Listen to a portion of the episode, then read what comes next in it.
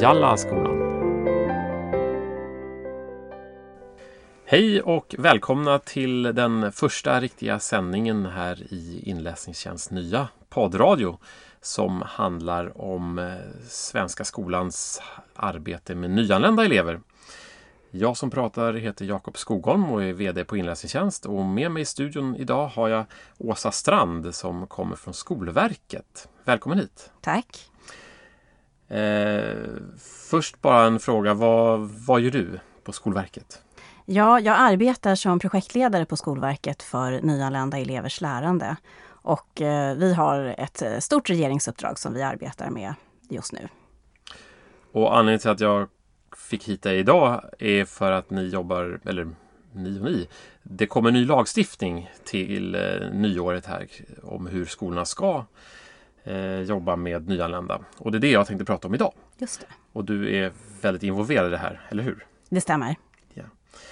Ehm, så jag tänkte den första öppna frågan, den här lagstiftningen som börjar gälla 1 januari 2016. Kan du eh, berätta lite grann, vad är det den innehåller och vad är det som vad är syftet? Mm.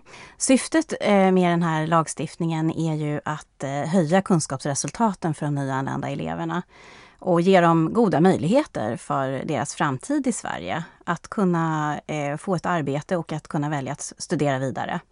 Vi vet idag att eh, kunskapsresultaten för eh, elevgruppen nyanlända inte är så bra som det borde vara. Vi ser att eh, för elever som har kommit till eh, Svenska skolan efter skolstart eh, så är det ungefär 52 procent som når gymnasiebehörighet. Och har eleverna kommit under de senaste fyra åren till den svenska grundskolan så är det bara 27 procent som når gymnasiebehörighet. Så att det finns eh, en stor anledning att utveckla den här verksamheten för de nyanlända eleverna. Det var några siffror där, följdfråga. Det, det lät som att har man kommit nyligen så har man sämre förutsättningar. Men om jag tolkar det egentligen så att de som kommer i äldre åldrar har svårare att ta sig in på gymnasiet? Det, det stämmer. Ju senare man kommer till, till skolväsendet desto svårare är det för då har man också kortare tid på sig att eh, lära sig det svenska språket eh, för att kunna visa sina kunskaper. Mm. Bra. Eh, och vad är det konkret som den här lagen kommer innebära? Eh, det är några olika delar som kommer att finnas med i skollagen. Eh, till en början så finns det en definition av vem som ska anses vara nyanländ. Eh, dels så ska man ju vara bosatt, ha varit bosatt utomlands och nu ha kommit till Sverige och ha börjat eh, skolan efter det att höstterminen eh, i årskurs 1 eller det att eleven har fyllt sju år. Och sen så finns det också en bortre tidsgräns. Eh, man ska inte längre betraktas som nyanländ efter man har gått fyra år i svensk skola. Varför en bortre tidsgräns? Eh, det är för att tydliggöra för eh, vem de övriga lagparagraferna verkligen gäller. Och då kan jag berätta lite mer om dem. Det är ju så att från det att en elev kommer till svenska skolan så ska man i skolan inom två månader bedöma elevens kunskaper, det vill säga ta reda på vad eleven har för skolbakgrund med sig när den kommer till svenska skolan. Och utifrån det så ska eh, skolan sedan eh, planera den fortsatta undervisningen och hur man ska fördela undervisningstiden. Eh, inom de här två månaderna så ska rektor fatta några olika beslut. Dels så ska rektor fatta beslut om i vilken årskurs och undervisningsgrupp som eleven ska placeras. Och då behöver man naturligtvis ta hänsyn till elevens ålder och förkunskaper. Eh, en elev som kanske är 14 år kan, och eh, har kunskaper i nivå med en eh, etta-klassare kan inte placeras med de eleverna utan det ska ju vara ungefär med jämnåriga. Eh, förutom det här så ska rektor också fatta beslut om eh, eleven ska gå i förberedelseklass eller inte. Eh, många eh, går ju i förberedelseklass idag men idag finns det egentligen inget, inget lagrum för det beslutet. Men nu kommer en särskild paragraf för detta. Eh, och eh, då får eleven delvis undervisas i förberedelseklass. Alltså inte bara gå i förberedelseklass utan också ha undervisning med sin ordinarie undervisningsgrupp. Och det här får man göra under max två år och det ska omprövas hela tiden. Eh, det betyder att man behöver avbryta det här så snart eleven har tillräckliga kunskaper i svenska för att kunna delta i, eh, ett ämne i undervisningsgruppen. Och eh, dessutom kan rektor då eh, också fatta beslut om prioriterad timplan. Eh, det kommer inte att finnas i skollagen utan det blir en förordningstext på det. Eh, och det betyder att eh, skolan kan omfördela tid eh, från olika ämnen till förmån för ämnet svenska. Det var många punkter. Mm. Du sa att det fanns ett krav att man skulle ta, fatta beslut då om vilken undervisningsgrupp eleven skulle hamna i. Men det känns som det var lite konflikt där. För du sa dels att det ska vara utifrån förkunskaper men också utifrån ålder. Är det inte just där konflikten ligger? Att har de inga förkunskaper borde de ner i klass, ner i åldrarna. Men samtidigt så vill man inte trycka ner med åldrarna för det, där, där trivs de troligtvis inte. Vad, vad väger tyngst mellan förkunskap och ålder här? Alltså de, de sociala faktorerna är, är, ju oerhört viktiga. Att eleven också har möjlighet att få eh, jämnåriga kamrater. Eh, och vi kommer på Skolverket att ta fram ett eh, allmänt råd eh, som kommer att eh, vara klart någon gång i februari-mars. Eh, och det kommer att hjälpa skolorna att eh, göra de här tolkningarna och bedömningarna. Eh, men eh, den propositionen som beskriver den här nya lagen, i motivtexten så är man ju väldigt tydlig med att eh, eh, man måste ta hänsyn till elevens ålder just utifrån kamratrelationerna. Mm. På samma sätt, du, du säger att eh, placering i förberedelseklass endast får vara delvis. Alltså man får inte vara helt isolerad från, från eh, svenska kompisar. Eh, vad, vad betyder delvis i det sammanhanget? Det kan ju vara Man kan se att det är lätt att kanske kringgå Eh, lagen där genom att bara låta eleverna kanske i idrott eh, vara med de svenska eleverna. Just det, idag, idag finns det ju på många håll en, en sån praxis att, man, praxis att man fattar standardbeslut.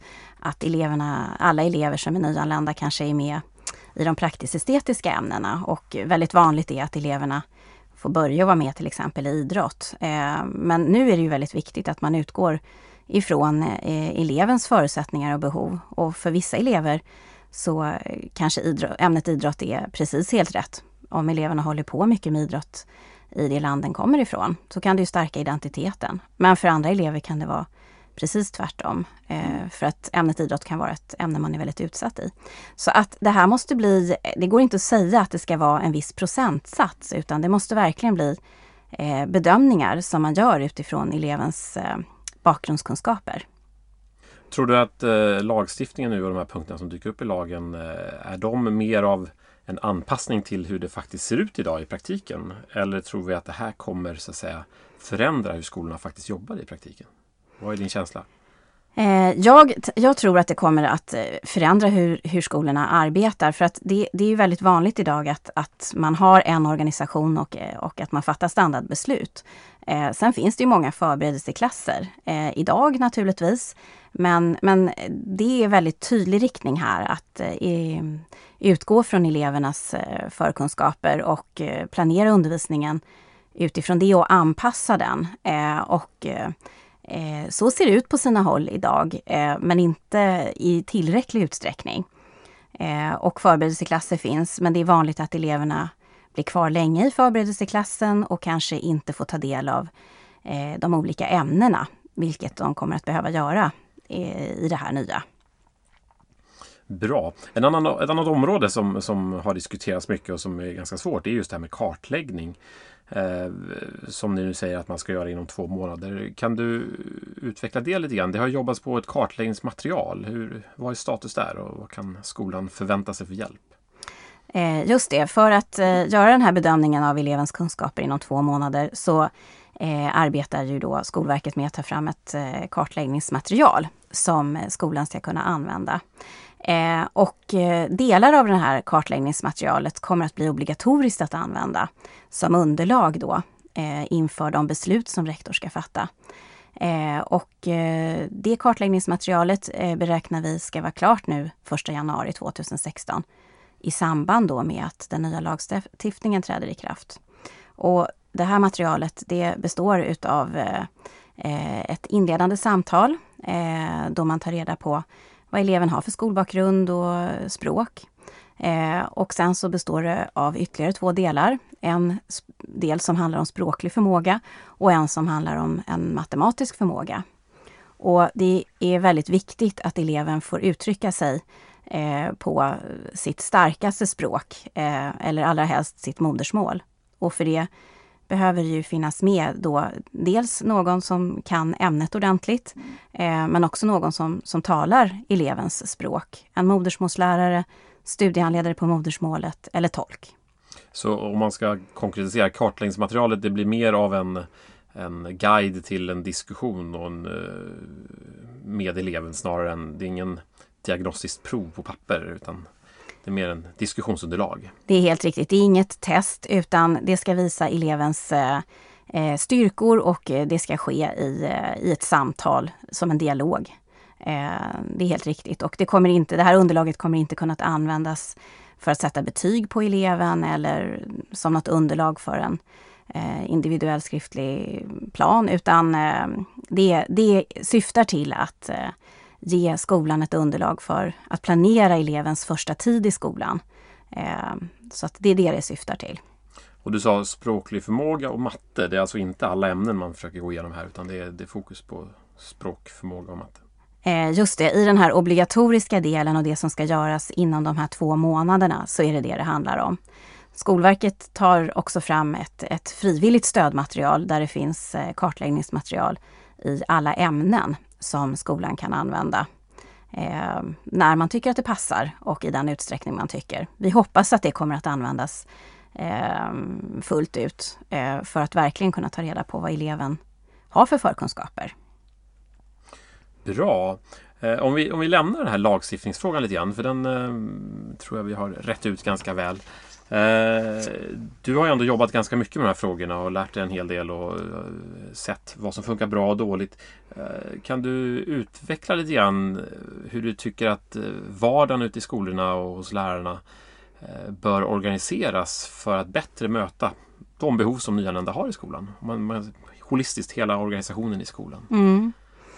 Eh, ja, först och främst så eh, om, om jag tittar på vad, vad lärarna behöver göra så, så behöver de då ta reda på elevernas kunskaper och utgå från elevernas eh, förutsättningar och behov. Eh, och se elevernas bakgrundskunskaper och eh, språk som en tillgång.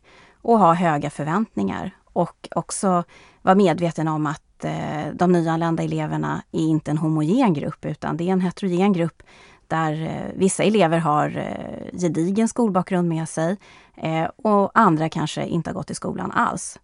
Eh, så det gäller verkligen att ta reda på det här eh, och också eh, arbeta medvetet med att de nyanlända eleverna ges möjligheter att lära känna jämnåriga kamrater. Och det kanske man inte kan överlåta till eleverna själva utan man kanske behöver ha system för det med faddrar och liknande.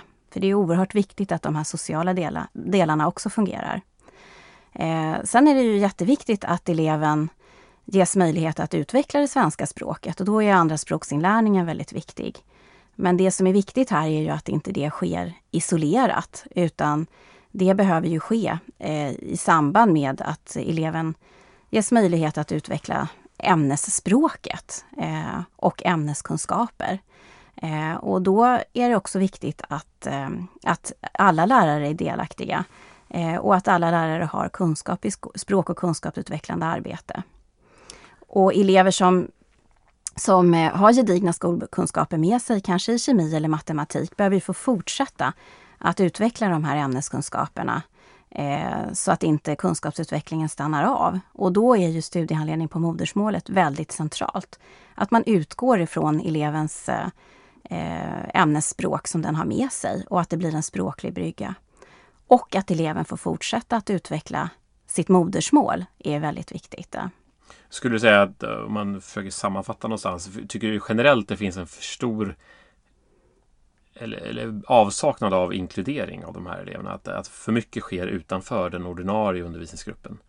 Det, det, det är ju våran bild att det på väldigt många håll är så att eh, och det visar också Skolinspektionens granskningar att eh, eleverna som är nyanlända hamnar i en förberedelseklass som kanske placeras i en korridor långt bort eller i ett annat hus eh, på skolan och kanske har andra lunchtider och andra rasttider.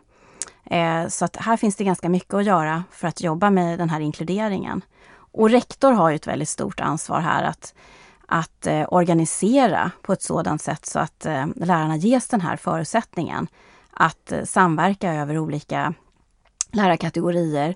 Eh, att det blir hela skolans angelägenhet, att alla lärare tar ett gemensamt ansvar. Och att eh, man på hela skolan ser eh, flerspråkighet som en tillgång. Och det är ju helt nödvändigt för att eh, de nyanlända eleverna har ju rätt till en likvärdig utbildning precis som alla andra elever. Bra, om man tittar lite grann på de lärare som har elever i de här klasserna. Vad, vad har de för resurser att tillgå? Jag tänker samarbetspartners och folk som kan stötta dem. Vad, de kanske säkert känner sig ganska utelämnade ibland misstänker jag. På många håll är det ju så att, att de lärare som jobbar i förberedelseklassen, eh, är svenska som andraspråkslärare ofta, är de som själva får ta ansvaret. Så som jag sa så är det viktigt att bygga de här strukturerna, att, att alla lärare är delaktiga. Eh, och att eh, alla elever får ta del av de lärarnas eh, ämneskunskaper också. Men sen finns det ju andra på skolan som är centrala. Eh, studie och yrkesvägledaren till exempel. I synnerhet för elever som kommer ganska sent under skolgången, att planera deras framtid. Personalen i elevhälsan är viktiga och skolledningen såklart. Men också att man tänker på fritidsverksamheter och eh, olika intresseorganisationer som man kan samverka med i närsamhället. Och eh, sist men inte minst då, eh, elevens vårdnadshavare är ju väldigt eh, central att bygga en god samverkan med. Och avslutningsvis här, om man som lärare känner att man vill ha mer inspiration, mer tips om eh, olika hjälp och mm, arbetssätt. Har du någon, några bra källor att rekommendera? Vad har Skolverket att erbjuda?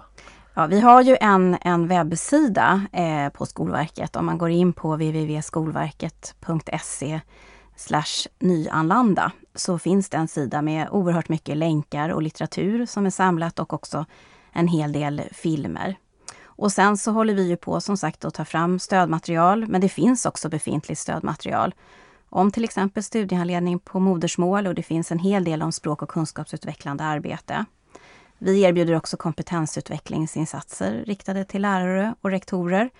Eh, och eh, det finns också en eh, webbsida som heter omsvenskaskolan.se där det finns eh, information och filmer som är översatta till olika språk och som lärarna ska kunna använda i samtal med vårdnadshavare och elever. Så det finns ganska mycket, så, så gå in och botanisera. Och där finns det också länkar till, till olika forskningsrapporter och så.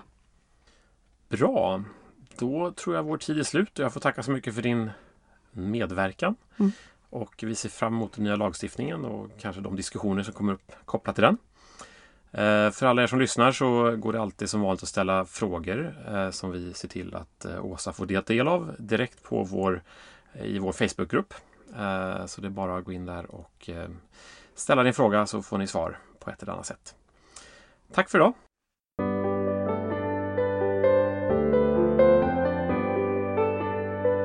Jalla skolan